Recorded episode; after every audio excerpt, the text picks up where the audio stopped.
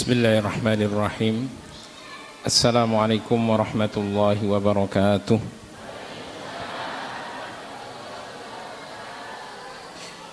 إن الحمد لله نحمده ونستعينه ونستغفره ونعوذ بالله من شرور أنفسنا ومن سيئات أعمالنا من يهده الله فلا مضل له ومن يضلل فلا هادي له وأشهد أن لا إله إلا الله وحده لا شريك له وأشهد أن محمدا عبده ورسوله. يا أيها الذين آمنوا اتقوا الله حق تقاته ولا تموتن إلا وأنتم مسلمون. يا أيها الناس اتقوا ربكم الذي خلقكم من نفس واحدة وخلق منها زوجها وبث منهما رجالا كثيرا ونساء. واتقوا الله الذي تساءلون به والأرحام إن الله كان عليكم رقيبا. يا أيها الذين آمنوا اتقوا الله وقولوا قولا سديدا. يصلح لكم أعمالكم ويغفر لكم ذنوبكم. ومن يطع الله ورسوله فقد فاز فوزا عظيما. أما بعد فإن أصدق الحديث كتاب الله وخير الهدي هدي محمد صلى الله عليه وسلم. وشر الأمور محدثاتها فإن كل محدثة بدعة وكل بدعة ضلالة وكل ضلالة في النار معاشر muslimin Bapak-bapak, ibu-ibu rahimakumullah eh, saat ini matur saya ini mawi Jawa napa Indonesia mawon Jawa nggih mboten napa-napa nek kula niku nek matur kalian bapak-bapak ibu-ibu kok penake Jawa Nggih Nggih ngapunten niki mangke kula campur sebab mbok menawi wonten sing mboten paham basa Jawi nggih.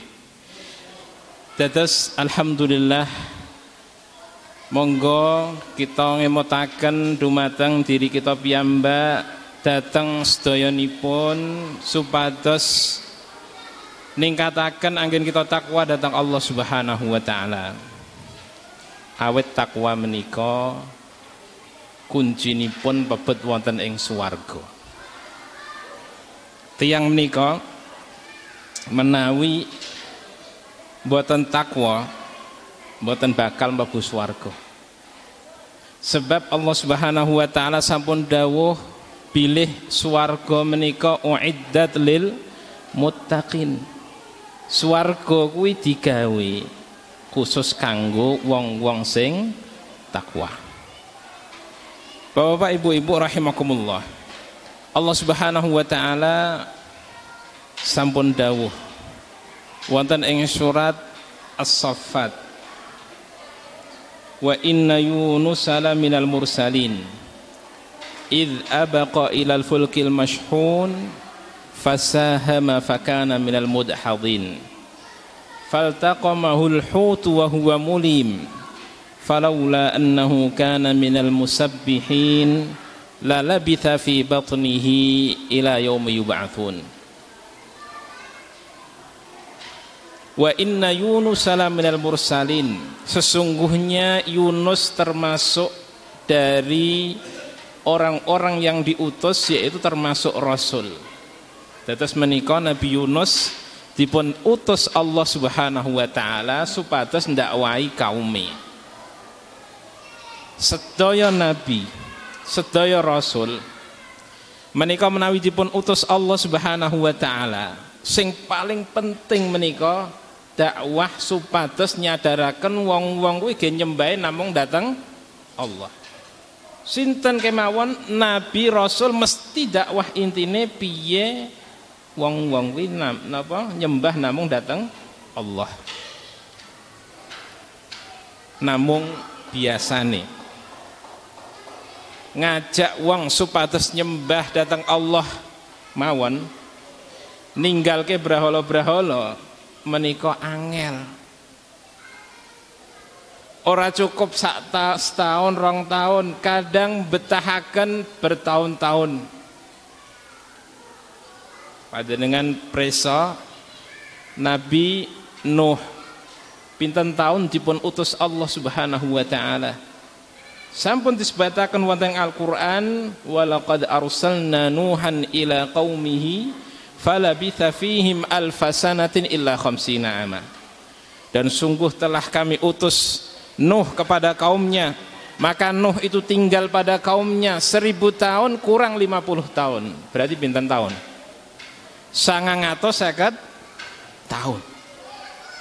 Terus nek piantun-piantun riyen menika umure pancen dangu panjang umur. Nabi Nuh menika dipun utus Allah dakwahe menika sangang atau seket tahun. Neng sing iman pinten? Wonten sing ngendika sing iman menika namung telulas. Wonten sing ngendika sing paling kathah menika kaum sing iman menika wonten wolong dosa lah nek 950 tahun dibagi wolong puluh. Kadang 10 tahun ora entuk pengikut setunggal mawon kadang namung setunggal pengikute. Ning menika nabi rasul menika piantun-piantun ingkang sabar. Menika ingkang dados tugasipun para nabi para rasul ndakwahaken kaumipun supados nyembah datang Allah. Lah pancen dados kaum Nabi Nuh menika zaman Nabi Adam menika mboten wonten wong sing umat Nabi Adam sing nyembah brahala mboten wonten mulai wonten ing zaman Nabi Nuh menika wonten wonten ing zamane Nabi Nuh menika wonten tiang-tiang ingkang saleh. Tiang ingkang saleh, tiang ingkang ngajak ngibadah datang Allah. Tiang-tiang kalau wau dipun tresnani kalian penduduk sedaya warga sedaya. Sebab napa ngemutaken datang Allah. Namun sak sampunipun sedo menika wonten ingkang asmine Wad wonten ingkang asmine suwat suwa wonten ingkang asmine yaguth wonten ya'uq wonten nasr.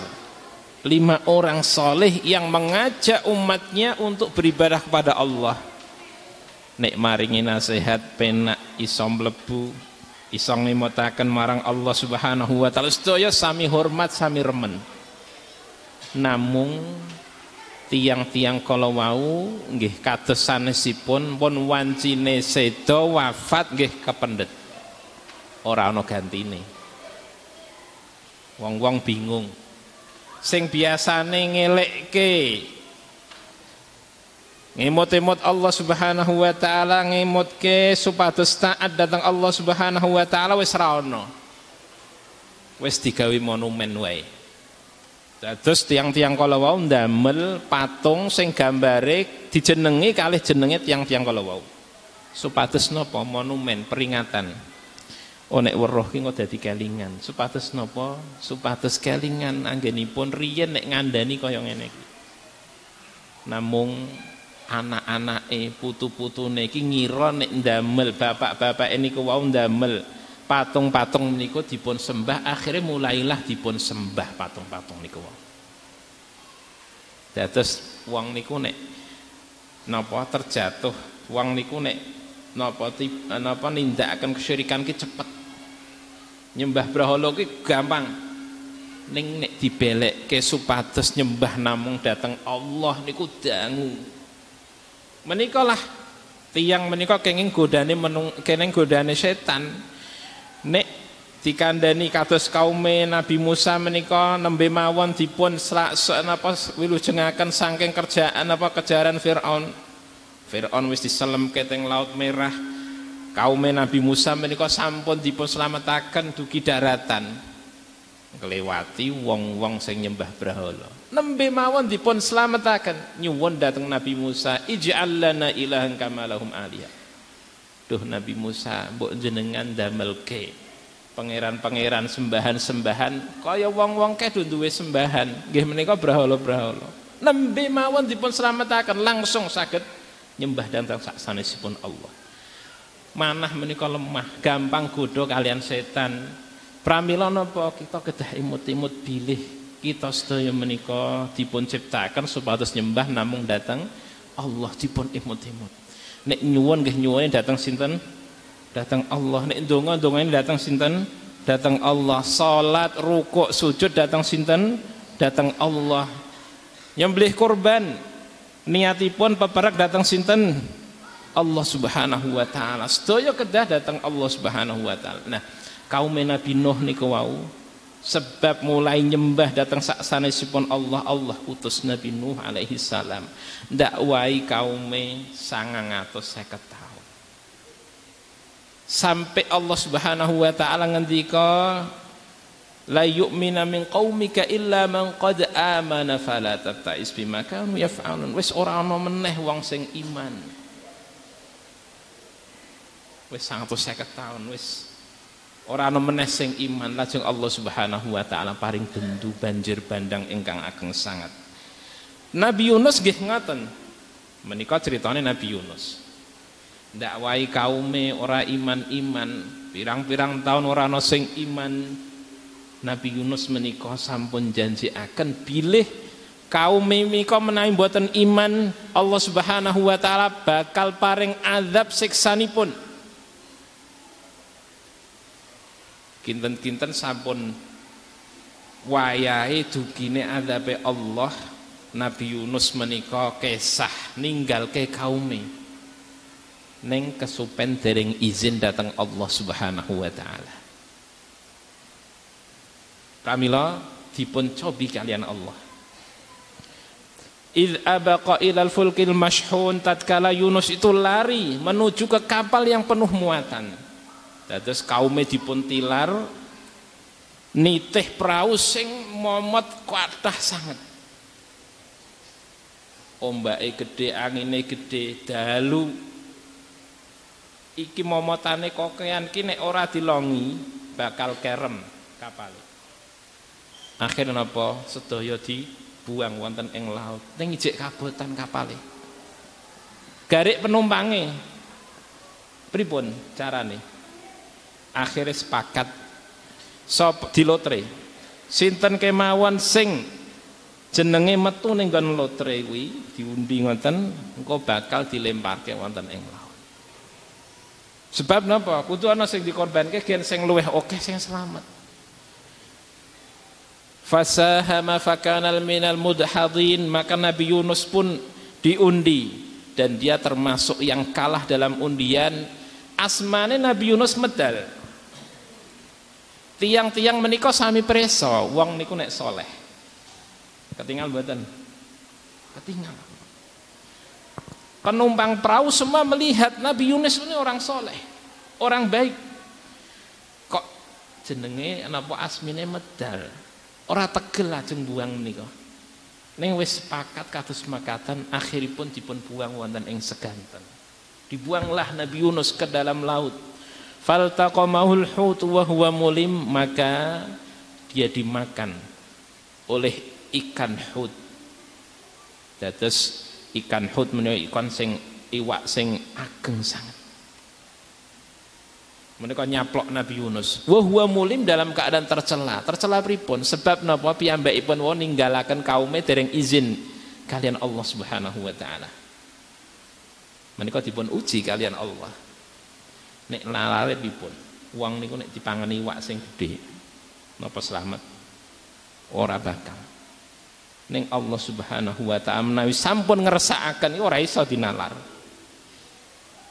Ning wonten jalaranipun faltaqamahul hut wa huwa mulim falaula annahu kana minal musabbihin lalabitha fi batnihi ila yaumi yub'atsun kalau bukan karena Yunus itu termasuk orang yang biasa bertasbih maka dia akan berada dalam perut ikan tersebut sampai manusia nanti dibangkitkan sampai dinten kiamat ora bakal metu sengking ulam niku wau. Neng piyambakipun menika ahli tasbih. Biasa zikir datang Allah Subhanahu wa taala. Biasa muji nyuci akan Allah Subhanahu wa taala. Biasa tadarru munajat salat datang Allah Subhanahu wa taala. Tiang menika nek sampun manahipun menika gumantung datang Allah. Wonten ing keadaan nopo kemawon mesti langsung sing diemoti sinten? Allah Subhanahu wa taala. Kula yakin rin panjenengan nalikane Gunung Semeru menika meletus napa jenengan kelingan sinten-sinten sing nulung namung setunggal sing panjenengan imuti sinten Allah Subhanahu wa taala. Menika yang ingkang iman. Diuji nek pas genting kados mekaten sing dikelingi sapa? Menawi ingkang dipun emuti Allah Subhanahu wa taala tanda itulah keimanan. Nabi Yunus nggih mekaten. Oke. Oh. Oh. Ngapunten niki sing yang dari Madura mungkin tidak bisa bahasa Jawa, saya mohon maaf. Bisa? Oh. Kalau campur mawon, kalau campur. Jadi orang yang beriman kepada Allah ketika dia dalam keadaan genting, siapa yang diingat? Allah Subhanahu wa taala. Tur tiang menika nek pun biasa zikir kalau dia terjatuh dalam musibah sing keluar napa? Zikir. Tak ngoten ta? Jenengan kenging musibah mau saya napa? Innalillahi wa inna ilaihi rajiun. Apa malah misuh-misuh? Ya wonten sing misuh-misuh ning kuwi tandane imane tesih tipis. Kalau orang yang biasa berzikir keluarnya zikir, Wong lenggah ngoten mawon maose napa alhamdulillah. Subhanallah. La ilaha illallah. Itu yang dia sebut karena apa? Lisan menika adalah pencerminan dari hati. Kalau hatinya penuh dengan zikir kepada Allah Subhanahu wa taala saat apa pun yang keluar adalah zikir kepada Allah. Nabi Yunus dalam keadaan genting kados mekaten ingat dan biasa dia pun bertasbih. Bahkan wonten ing salah sunggal tafsir niku dipun sebataken bilih Nabi Yunus menika jumeneng nindakaken salat wonten ing di perut ikan niku wau. Sampai piyambakipun ngendika ya Allah saya salat di suatu tempat yang tidak mungkin seorang pun salat di situ. Kalingane salat Lajeng Nabi Yunus terus bertasbih. Terus membaca tasbih. Tasbih pun Nabi Yunus napa? Bapak-bapak, ibu-ibu sampun apal sedaya. Wonten ing surat Al-Anbiya Allah Subhanahu wa taala menyatakan wa dhannuni idz dhahaba mughadiban fadhanna an lan naqdiru alaihi fanada fi dhulumati alla ilaha illa anta subhanaka inni kuntu minadh zalimin. Dan Dhunnun. Dhunnun menikah Nabi Yunus. Tatkala dia pergi dalam keadaan marah dan dia berbaik sangka kepada Allah tidak akan disusahkan oleh Allah. Maka dia berdoa kepada Allah dalam kegelapan-kegelapan. Mengucapkan la ilaha illa anta subhanaka inni kuntu minadh zalimin Kula panjenengan sedaya nek pikantuk musibah mangatah-ngatahaken waosan menika. La ilaha illa anta subhanaka inni kuntu minadh dhalimin. Musibah napa kemawon bakal enteng. Tur mengkih Allah Subhanahu wa taala bakal nulungi. Ning syaratnya niku wau. Wa dhann idzahaba mughadiban fadhanna an lan naqdiru alaihi fanada harus mempunyai prasangka yang baik terhadap Allah Napa? Nggadahi pengajeng-ajeng Allah menika bakal nulungi. Dados optimis. Dados nggadahi pranyono ingkang sae datang Allah Subhanahu wa taala bahwasanya Allah pasti menolong saya. Ujian itu memang musibah suatu saat menyakitkan tapi bagi seorang mukmin selalu ada hikmahnya dan saya yakin Allah akan segera memberikan pertolongan dan ucapkanlah la ilaha illa anta subhanaka inni kuntu minadh dhalimin. Falaula annahu kana minal musabbihin dados Nabi Yunus menika. Derenge kedadian kedadosan nika nalikane tesih wonten ing daratan menika sampun biasa maos tasbih. Dia adalah ahli tasbih. Nggih menika biasa bertasbih kepada Allah berzikir kepada Allah Sampai ketika di dalam perut ikan dia ingat dan membiasakan bacaan-bacaan tasbih dan bacaannya la ilaha illa anta subhanaka inni kuntu minadh dhalimin. wonten ing tafsir dipun sebataken pilih para malaikat menika bertanya kepada Allah Subhanahu wa taala Ya Allah ini adalah perkataan orang yang lemah bacaannya dikenal tapi di tempat yang aneh dan terus para malaikat wis biasa mireng tasbihipun Nabi Yunus para malaikat sampun kenal ini tasbihnya Nabi Yunus tapi kok di tengah laut Pramila Allah Subhanahu wa taala nenggeleti para malaikat, apakah kamu tidak tahu siapakah dia? Dia adalah hambaku Yunus. Maka para malaikat pun mintakan syafaat kepada Allah Subhanahu wa taala. Ya Allah, bukankah dia Nabi Yunus yang terus-menerus berdoa kepada Engkau dan terus-menerus beramal dan tidak pernah amalannya dilakukan kecuali diterima amalannya. Dados Allah Subhanahu wa taala menika namung nampi amalan saking tiang-tiang ingkang takwa kemawon. Nabi Yunus termasuk yang bertakwa. Amalnya diterima oleh Allah, doanya diterima oleh Allah. Lajeng para malaikat sami ngendika nyuwun datang Allah, nyuwunaken syafaat datang Allah Subhanahu wa taala ya Allah. Kasihilah dia Bukankah dia terus bertasbih beramal baik saat dia dalam longgar Sekarang dalam kesempitan maka selamatkanlah dia Menikah tiang ingkang istiqomah akan kesayangan menikah mengkeh. Nek saat-saat butuh pertolongan Nyuwun datang Allah subhanahu wa ta'ala Menikah dipun syafaati para malaikat. Melu-melu nyuwun datang Allah. Dongo datang Allah. Ning syaratnya istiqomah.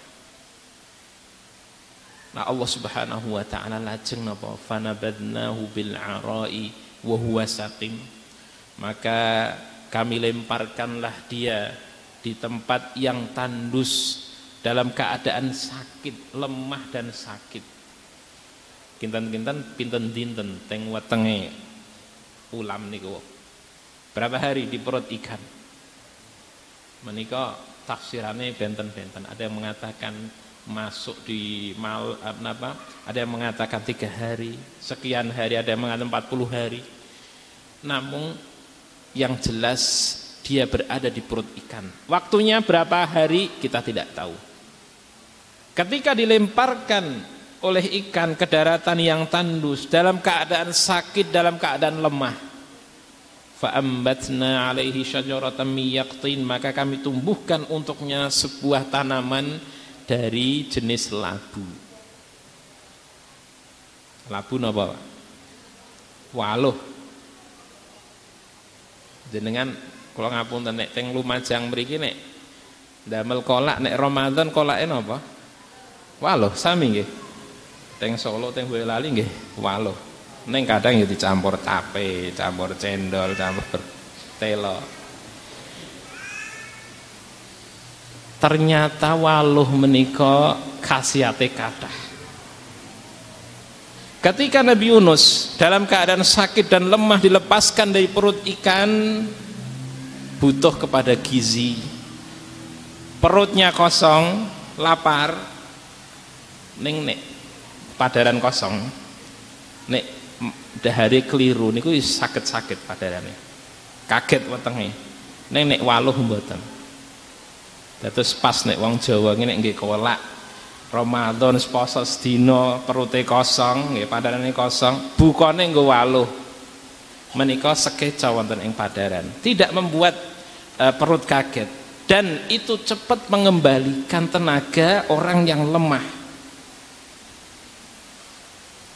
Nah, maka Allah Subhanahu wa taala tumbuhkan untuk Nabi Yunus eh, tanaman dari jenis labu niku wau.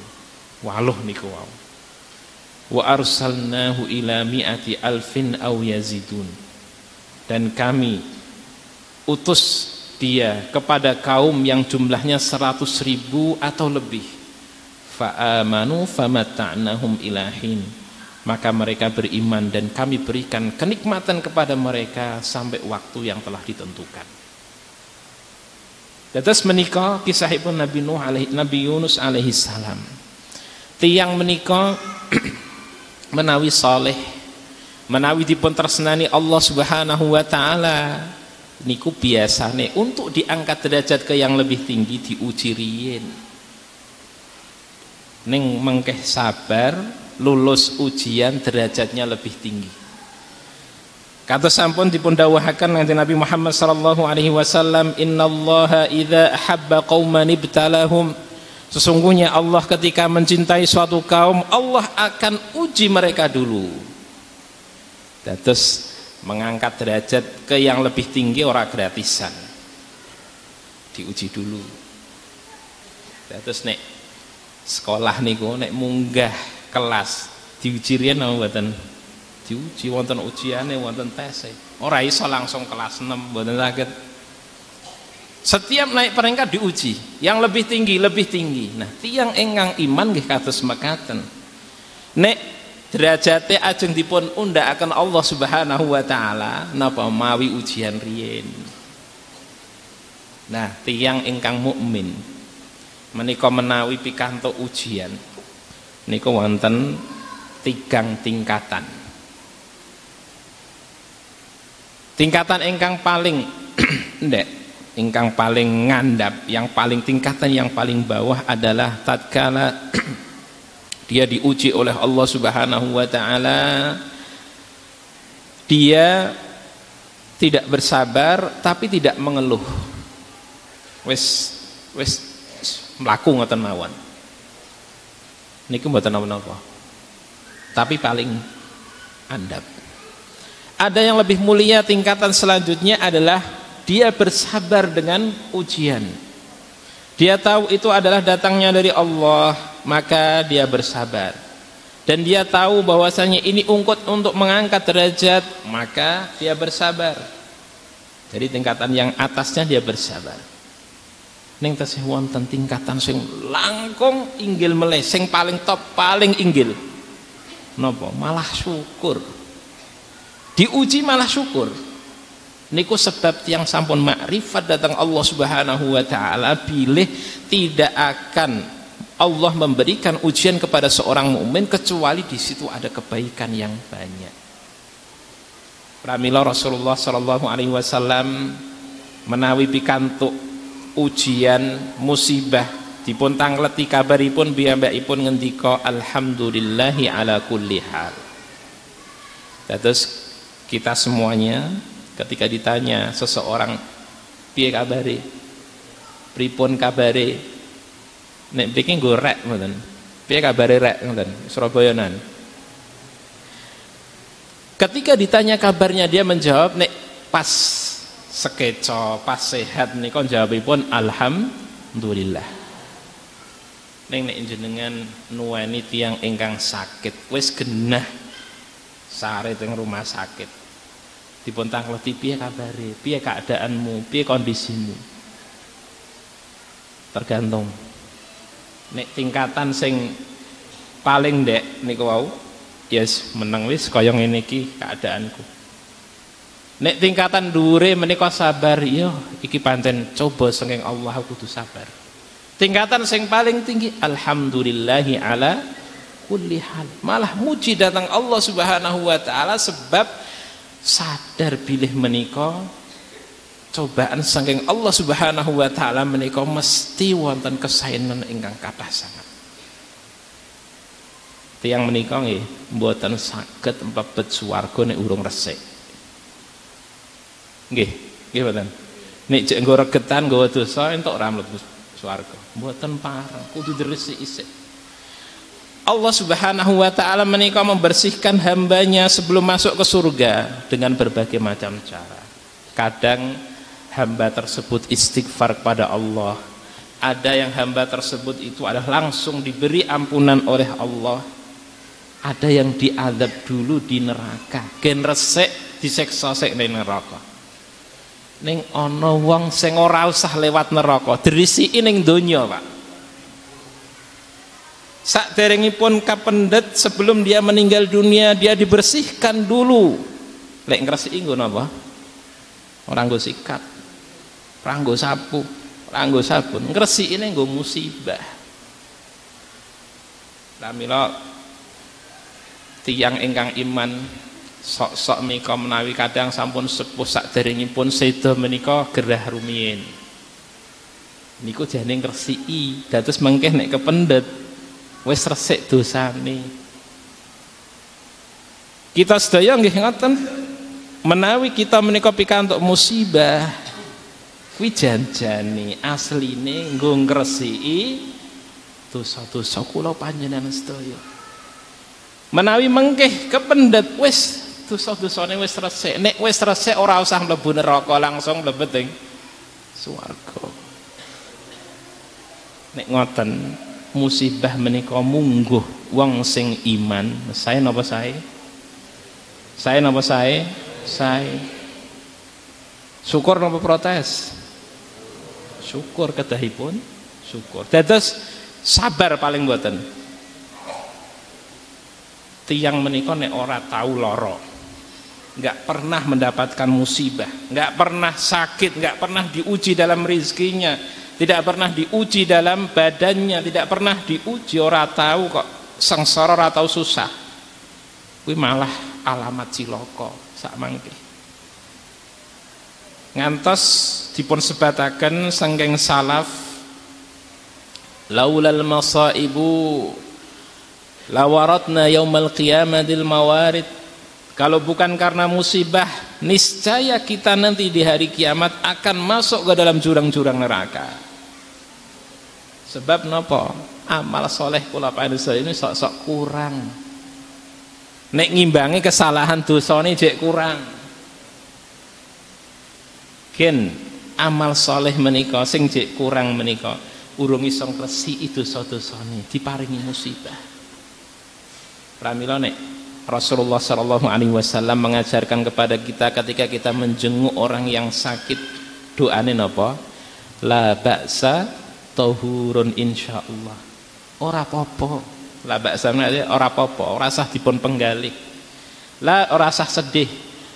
La baksa tahurun insyaallah ini adalah tahur. Tahur itu adalah pensuci pembersih insyaallah.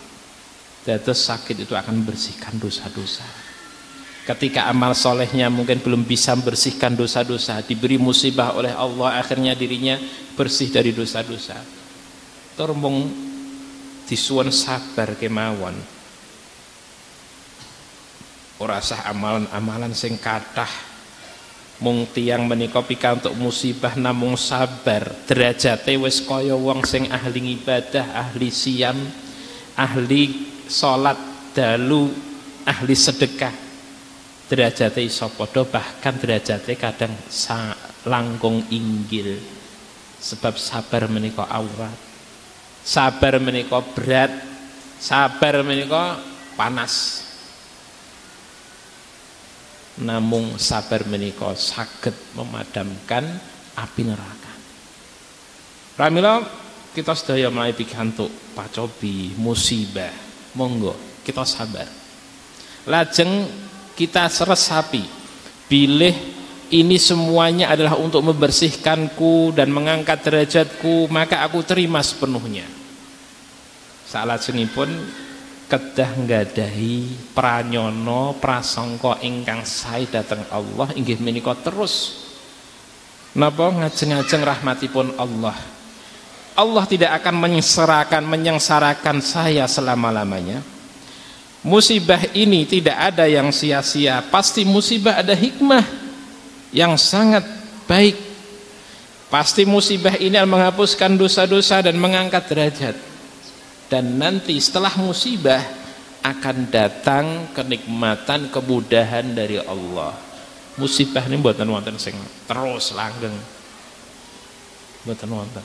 Mesti mungkin Allah subhanahu wa ta'ala bakal maringi atas kesabaran hambanya itu memberikan jalan keluar memberikan kemudahan Pramila monggo terus. Nyuwun datang Allah mugi-mugi menika musibah.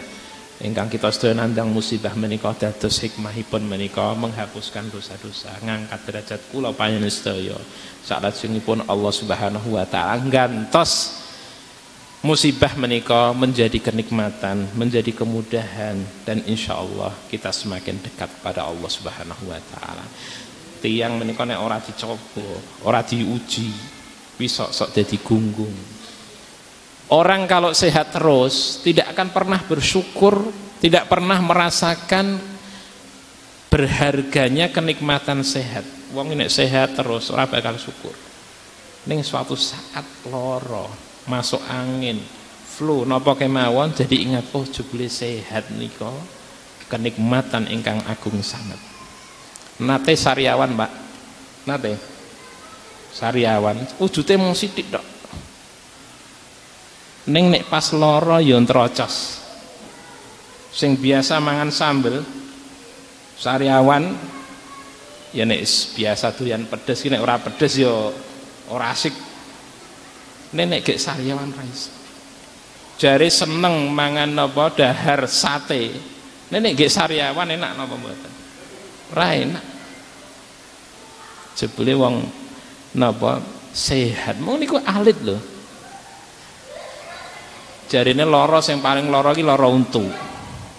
Wis siji tok. Ora kabeh untu lara. Ning seloro siji kaya kabeh rasane lara kabeh sak sirahe tekan sikil lara kabeh. Niku yen ngrasake nek sehat menika kenikmatan ingkang ageng sangat supados kita panjenengan menika syukur dumateng Allah Subhanahu wa taala. Bapak Ibu-ibu rahimakumullah menawi menika ingkang saged kawula aturaken nggih intinipun monggo kita sabar Nah, nalikanipun pikantuk musibah, kita sabar ketika mendapatkan musibah dan selalu berhusnudzon, berbaik sangka kepada Allah. Ini semua akan menghapuskan dosa-dosa, mengangkat derajat dan apabila dosa-dosa kita bersih nanti ketika kita dipanggil oleh Allah tidak perlu dibersihkan lagi di neraka tapi langsung masuk ke dalam ke dalam surga. Menawi wonten ingkang lepat, wonten ingkang kerang, kula nyuwun agung pangapunten. Wassallallahu ala nabiyina Muhammad wa ala alihi wa ashabi ajma'in walhamdulillahi rabbil alamin wassalamualaikum warahmatullahi wabarakatuh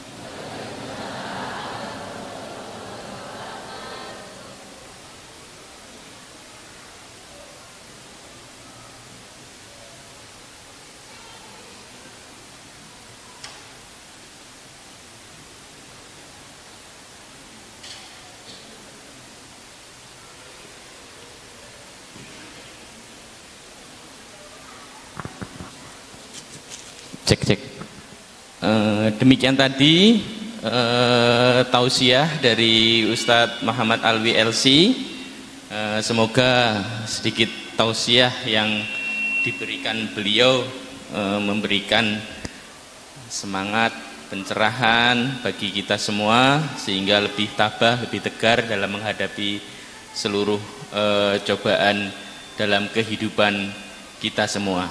Kemudian untuk e, sesi berikutnya mungkin kita buka sesi tanya jawab bagi Bapak Ibu yang menghendaki e, tanya jawab atau mengeluarkan permasalahannya. Monggo e, kita persilahkan. Monggo dari sisi Bapak-bapak dulu kalau ada yang menghendaki pertanyaan ataupun unek-unek dan sebagainya monggo. Atau yang dikeluhkan dari ibu-ibu? Ya. Uh, untuk panitia ibu-ibu ada mic? Enggak ada yang mau bertanya di depan? Enggak ada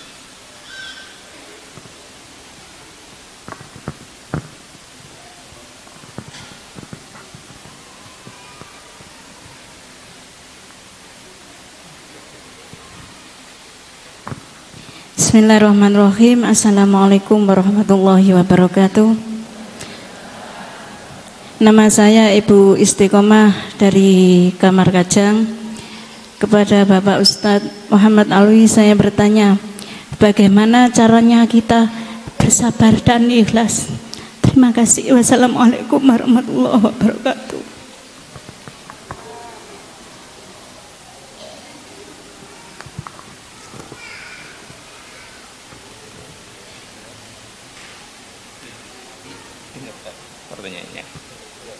sabar dan ikhlas ya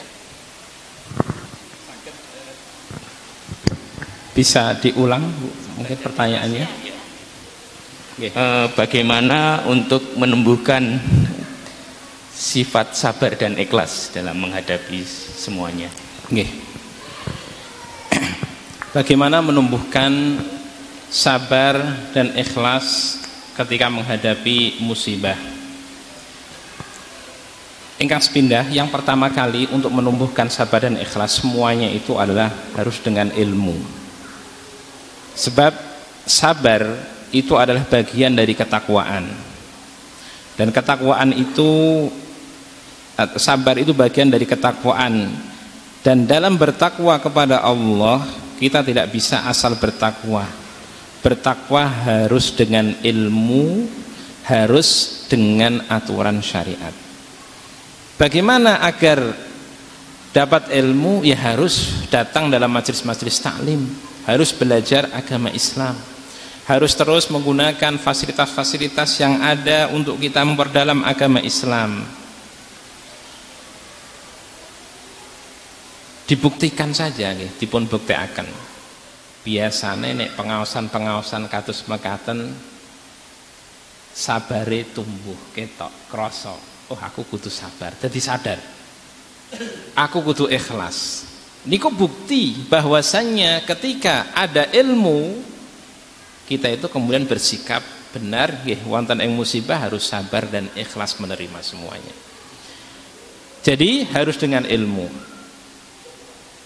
Yang kedua menikah kita sudah kedah latihan tiang menika sakit terbiasa sabar. Menika tidak langsung dia bisa suatu saat tapi dengan latihan. Latihannya bagaimana? Ketika mendapatkan musibah yang pertama ingat itu adalah datangnya dari siapa? Dari Allah subhanahu wa ta'ala. Meskipun kadang jalaran iki wong neng mesti saking Allah Kula nate nalikane kula kerja teng Saudi. Kula petugas penyuluhan keagamaan bagi orang-orang Indonesia teng mriku. Wonten tiang menika tiang Madura nih, tiang Madura.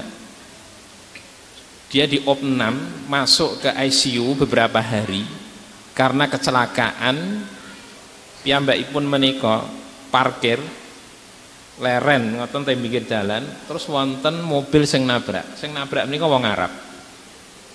Kula dipun weruhi lukane dalam teng mriki nusuk ke dalam orang Arab ini minta maaf ingin mengajak damai. Sebab di sana juga nanti kalau sudah masuk di polisi ya harus disidang nah daripada susah disidang niku nawarkan damai. Lah kura perantara nih orang Arab ini datang menyampaikan kepada saya sampaikan kepada temanmu ini bahwasanya saya menawarkan uang damai sekian.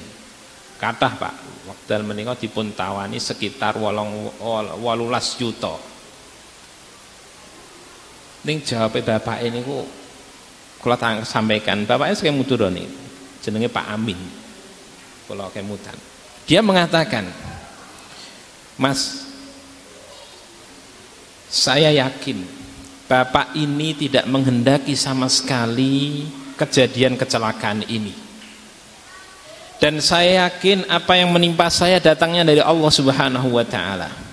Mosok masa saya harus menyalahkan seseorang dan harus memerintah seorang bayar kepada saya wong ini datangnya dari Allah. Nek kula malah wah kesempatan nih. Walulas juta kurang. Kowe nek ora gelem tak laporke kita proses pengadilan penjara lo nanti. Nek kula mbarengan atus mengatakan tapi niki orang ini dia mengatakan mas ini saya yakin orangnya tidak menyengaja menabrak saya. Dan saya sebagai pribadi nggak menyalahkan siapa pun karena musibah yang sampai kepada saya datangnya dari dari Allah Ning akhirnya napa dikake niku. Pikantuk niku dit 18 juta niku. Neng nek tiang menggali katus mekaten menika gesange sekecok. Hidupnya akan enak. Karena tidak menyalahkan siapa pun, menerima sepenuhnya. Neng seandainya kalau kita ada musibah atau kerja sakiti orang atau kecelakaan seperti itu langsung nyalah-nyalah ke. Engko sing disalahke ora gelem bayar, ora gelem damai. Urusane malah dawa, uripe niku malah sengsara. Terus yang ini harus kita yakini semua datangnya dari dari Allah. Erupsi ini yang siapa yang yang mengeluarkan lava, yang meletuskan gunung berapi ini? Allah Subhanahu wa taala. Nek sudah sadar, kinten-kinten sakit sabar napa mboten? Kita akan sabar. Jadi harus yakin datangnya dari Allah. Kemudian kita harus biasakan tidak protes dengan musibah. Kita jaga lisan kita. Dan terus jangan sampai mengucapkan ucapan kecuali ucapan yang baik. Kita bisa ucapkan yang baik tadi. Innalillahi wa inna ilaihi rajiun. Kita bisa istighfar, kita bisa ucapkan tasbih. Kadang menika menawi kenging musibah perasaannya gondok nih pinginnya apa pinginnya misuh-misuh pinginnya mengumpat pinginnya meng, meluapkan amarahnya. Tapi cobalah dikontrol. Nggih. dijagi tidak mengucapkan kecuali yang baik ucapkanlah zikir. Subhanallah. Menawi kita tidak bisa menguasai amarah berlindunglah kepada Allah dari godaan syaitan. A'udzubillahi minasyaitonirrajim. Menikah dipun latih. Insyaallah akan terbiasa sabar. Kemudian yang selanjutnya harus diresapi tadi musibah apa pun itu pasti ada hikmahnya. Yang Allah subhanahu wa ta'ala akan kadang dirahasiakan tapi nanti akan kelihatan Salah seorang ulama ada menyebutkan kisah seorang raja. Raja menika nggadahi menteri. Menteri ini niku nek wonten napa-napa mesti ngomongin apa? Yang paling bagus adalah pilihan Allah. Kalau itu pilihan Allah, kalau itu ada sudah ditulis oleh Allah itulah yang terbaik. Sampai suatu saat raja ini ya menggunakan pisaunya drijine menika luka kepiris seret.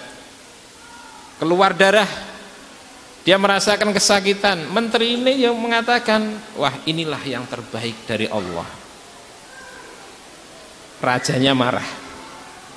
Maka kan ini kan seperti menghina. Orang terluka kok malah dikatakan ini yang terbaik. Maka raja marah menteri ini dipenjara akhirnya raja itu adalah dia punya kesenangan berburu. Maka dia berburu. Berburu berburu berburu sampai keluar dari area kerajaan dia ditangkap oleh suku pemakan manusia. Suku kanibal maka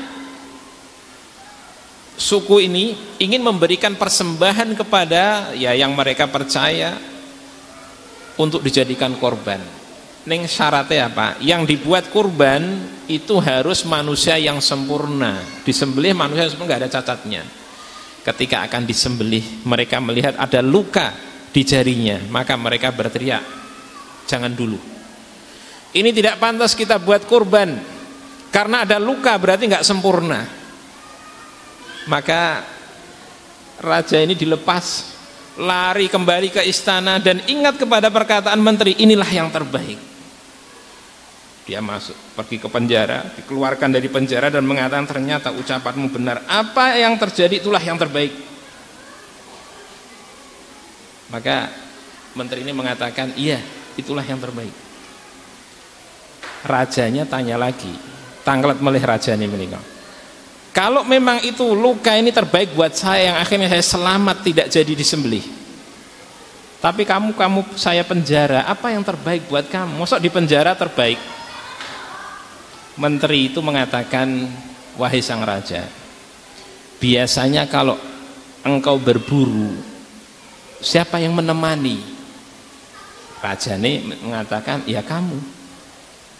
Lah kalau ketika kamu, kalau aku tidak di penjara kemarin mestinya yang nemeni berburu kan aku. Ketika engkau ditangkap maka aku ikut ditangkap. Ketika melihat kamu nggak sempurna karena ada lukanya pasti pilih satunya. Maka saya yang akan dijadikan korban. Alhamdulillah saya di penjara akhirnya kita semua selamat semua. Jadi harus selalu husnudzon kepada Allah. Apa pun yang Allah tuliskan itulah yang terbaik kadang berat. Kadang berat. Tapi karena kita belum tahu hikmahnya kadang yang nanti hikmahnya ke depan paling boten hikmah itu nanti ketika di akhirat kelihatan. Ini ku wow sak derenge mlebet swarga diresiki isik sehingga ketika dia masuk ke dunia ke alam akhirat sudah nggak mempunyai e, dosa yang akhirnya tidak perlu dibersihkan di neraka dengan adab langsung bisa masuk ke dalam ke dalam surga. Jadi harus meresapi hal tersebut bahwasanya tidak ada suatu e, musibah pun kecuali di situ ada hikmah yang sangat dalam. Membersihkan dosa-dosa mengangkat derajat dan nanti akan ada kenikmatan yang Allah ganti setelah musibah yang didapatkan. Gih. mungkin itu yang e, berkaitan dengan kiat-kiat agar kita sabar dan ikhlas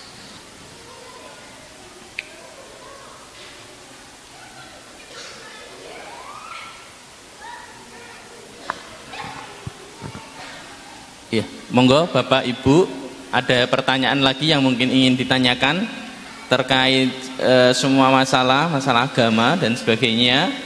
Monggo. Kalau ada yang mau ditanyakan, kalau tidak ada nanti kita kasih pertanyaan. Untuk bagi-bagi bing bingkisan.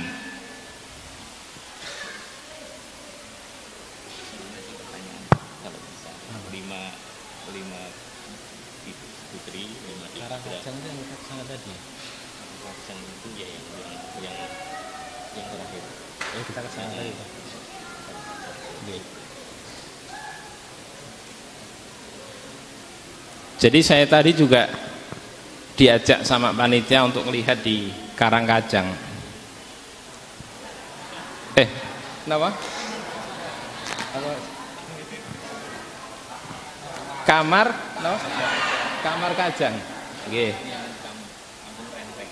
Renteng nggih. Ah. Nggih. Niku saya melihat ya Allah musibahnya berat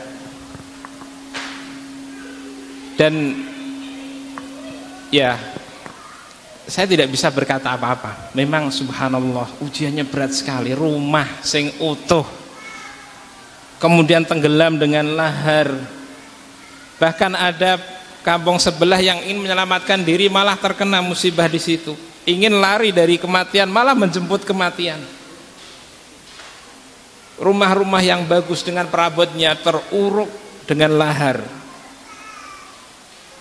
inilah dunia ketika Allah subhanahu wa jadikan tidak berguna tidak ada gunanya sama sekali. Neng setunggal jenengan tesih dipun selamatakan Allah subhanahu wa ta'ala. Tesih sakit istighfar tesih sakit taubat tesih sakit ngibadah datang Allah subhanahu wa ta'ala. Neng panjenengan pun buatan kiambak Alhamdulillah musibah bapak-bapak, ibu-ibu ikut dirasakan oleh semua kaum muslimin di tanah air. Maka kami pun yang dari jauh ikut merasakan bersedih, merasakan berat. Dan kami akan ya mungkin teman-teman semuanya kaum muslimin dengan ukhuwah mereka, mereka berusaha untuk ikut meringankan beban musibah yang bapak-bapak dan ibu-ibu dapati. Dan insya Allah nanti Allah Subhanahu wa taala akan ganti dengan yang lebih baik. Kita selalu optimis nanti setelah musibah akan datang kemudahan. Terus kalau inna ma'al usri yusra ya. Fa inna ma'al usri yusra, inna ma'al usri yusra. Setiap ada kesulitan, ada kemudahan. Dan setelah kesulitan itu ada kemudahan lagi. Kesulitan satu, kemudahannya dua. Dikatakan satu nggak akan bisa mengalahkan dua Satu kesulitan Allah berikan dua kemudahan. Maka ketika ini ada suatu kesulitan, nanti Allah akan berikan kemudahan dua kali lipat dan Allah Subhanahu wa taala kita yakin Allah Subhanahu wa taala akan ganti musibah dengan nanti ganti yang lebih baik. Kesulitan diganti dengan dua kali lebih uh, kemudahan dan juga kesabaran Bapak-bapak, Ibu-ibu semuanya diganti oleh Allah Subhanahu wa taala dengan rahmat dengan ampunan, dengan derajat yang tinggi di dunia dan di akhirat. Ini saya disuruh bertanya. Siap badan? Wonten hadiah kok. Nggih.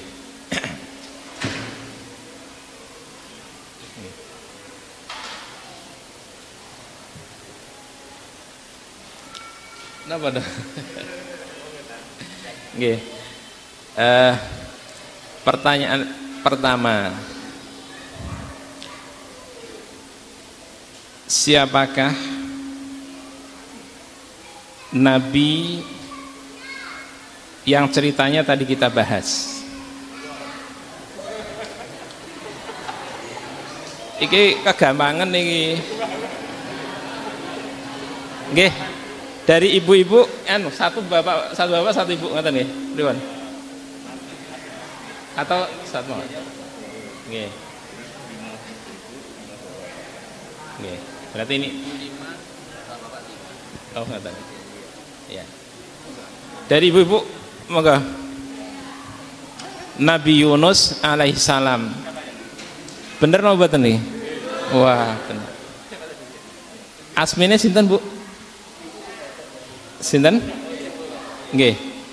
Nika. Nggih. Nggih. Alhamdulillah. Sekarang ini ibu-ibu sudah dapat. Sekarang ganti bapak-bapak dulu. Nggih. Nabi Nuh alaihi salam berdakwah di kaumnya berapa tahun? Sinten? Niki, pinten Pak? Berapa tahun? 950 tahun. Betul. Oke. Okay. 950 tahun. Kemudian ketika kita mendapatkan musibah ternyata musibah itu hikmahnya banyak sekali. Sebutkan dua saja hikmah ketika mendapatkan musibah. Bab, ah, Bapak. Nggih, monggo.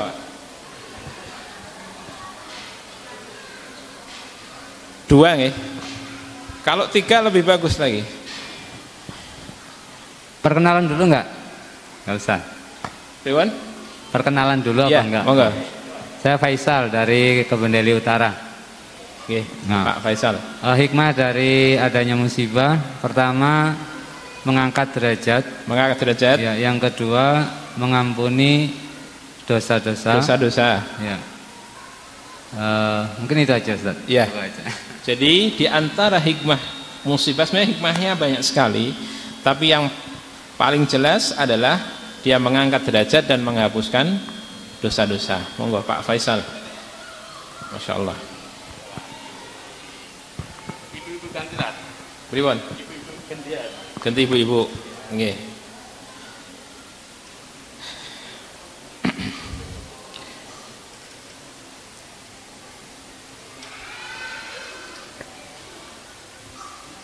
apa bacaan tasbih doa? Ini ibu-ibu loh.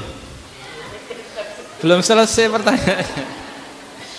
Bacaan doa yang diucapkan oleh Nabi Yunus ketika di dalam perut ikan. Monggo mungkin panitia bisa menunjuk nggih. Monggo yang ditunjuk mawon. Nggih bacaannya apa Bu? Eh kan yang jawab yang ditunjuk mawon. Ibu ibu nikah? Nggih. Napa Bu Bacaannya La ilaha illa anta subhanaka inni kuntu minadh dhalimin. Iki kabeh hafal kudune entuk hadiah kabeh. Oh, mboten cekap, Pak. Nggih, monggo bisa diberikan hadiah ke ibunya. Nggih. Napa meneh? Nggih. Nggih. Ada bacaan Niki Bapak-bapak Rin. Bapak-bapak atau cepet-cepetan. Bapak-bapak, ada bacaan yang diucapkan seorang mukmin tatkala mendapatkan musibah. Saya nunjuk? Niko, Bapak Bapak kok ketake pertama nika. Nggih. Inna lillahi wa inna ilaihi rajiun. Itu ucapan ketika mendapatkan musibah, buatan kematian mawon. Jadi nek maos innalillahi wa inna rajiun biasanya terus oh sapa sing meninggal dunia? Buatan mesti. Musibah apa pun kita mengucapkan innalillahi wa inna ilaihi rajiun. Monggo, Pak. Nggih. Nggih. Ada suatu nabi, ada seorang nabi yang kaumnya tidak ada satupun yang menyembah kepada selain Allah. Nabi siapa itu? Tadi kita sebutkan. Eh, bawa ibu. Ya, nah, monggo pak, nggih. Bapak yang pertama. Nabi, Nabi Lot. Tadi kita sebutkan pertama kali terjadi pada zaman Nabi Nuh. Ada sebelumnya ada seorang nabi yang tidak tidak ada kesyirikan. Nabi siapa? Nabi sinten, Pak? Bapak sing pertama tadi? Eh? Nabi Nuh. Nabi Nuh tadi kaumnya menyembah berhala. Nabi siapa? Nabi Adam. Bapaknya dua nih. Eh, eh dua, nggih, nggak apa-apa dua-duanya, monggo. Jadi Nabi Adam itu memang ada kemaksiatan. Tapi antara Nabi Adam dengan Nabi Nuh tidak ada yang menyembah berhala Mulai sejarah orang menyembah berhala menikah dari kaumnya siapa? Nabi Nabi Nuh. Nih. Terus eh. tiga lagi ibu-ibu. Eh, tiga lagi ibu-ibu.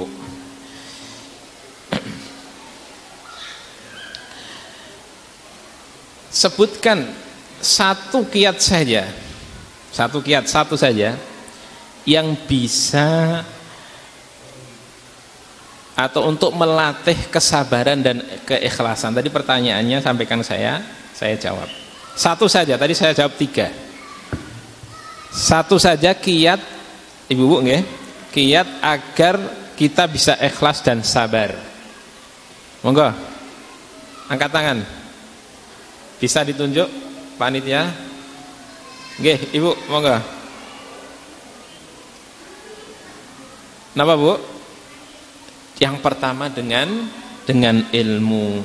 Jadi dengan ilmu seseorang kalau tahu bagaimana sikap sebenarnya ketika mendapatkan musibah, maka dia akan bisa sabar dan dan ikhlas. Okay.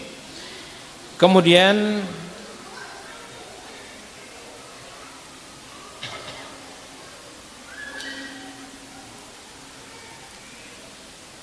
Nabi Yunus alaihissalam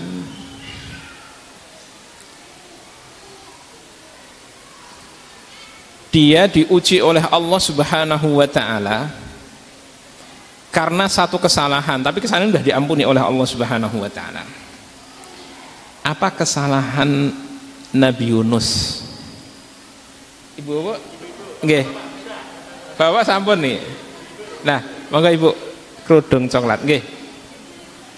Lah, jadi Nabi Yunus, betul Bu, Nabi Yunus alaihissalam tidak izin kepada Allah meninggalkan kaumnya.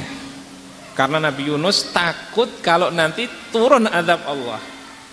Maka kemudian Nabi Yunus diuji oleh Allah dengan ujian tersebut. Betul Bu, jadi itu jawabannya. Satu lagi, masih berapa? Satu nggih, satu.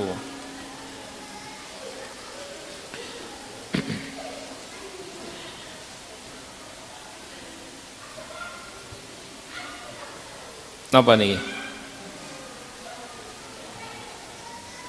Sebutkan mawon ini umum mawon nih umum. Ini kan ibu-ibu harus tahu.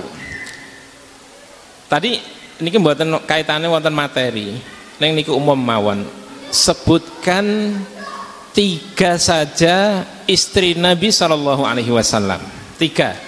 Dari istri Nabi ada berapa istri Nabi? Ummahatul Mukminin ibunda kaum mukminin. Sebutkan tiga saja. Monggo bisa ditunjuk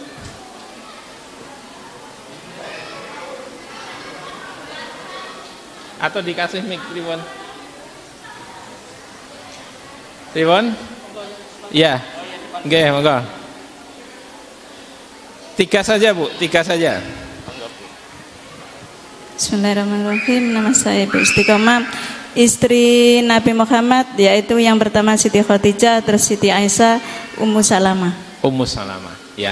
Istri-istri Nabi SAW yang mereka wanita-wanita salihah teladannya kaum mukminat orang-orang yang dipilih oleh Allah Subhanahu wa taala untuk bersanding dengan nabinya yang sangat mulia ada beberapa istri. Di antara yang paling mulia Siti Khadijah. Siti itu artinya adalah yang mulia. Nama aslinya Khadijah. Tapi Siti kita panggil Siti karena yang mulia. Khadijah Siti Khadijah Siti Aisyah Ummu Salamah wonten melih Ummu Habibah wonten melih Zainab pintu Jahash wonten malih Safiyah itu di antara wonten malih Maimunah di antara istri-istri Nabi. Menika ibu-ibu kedah mangertos sebab napa teladane uswahe menika nggih? Garwane Rasulullah SAW menikalah ummahatul mukminin ibunda kaum mukminin. Sampun? Nggih. Alhamdulillah Bapak-bapak ibu-ibu ingkang dipun rahmati Allah Subhanahu wa taala. Alhamdulillah. Uh, kegiatan untuk sore kali ini sudah terlaksana. Saya pribadi dalam penyampaian kalau ada yang kurang saya mohon maaf yang sebesar-besarnya. Semoga Allah subhanahu wa ta'ala memberikan kesabaran kepada bapak dan ibu-ibu. Musibah yang diterita itu memberikan hikmah yang besar menghapuskan dosa-dosa mengangkat derajat dan nanti insya Allah akan diganti dengan ganti yang lebih baik di dunia maupun di di akhirat. Seterusnya saya kembalikan kepada dokter Ambar untuk melanjutkan acaranya. Yeah uh, jazakallahu khairan atas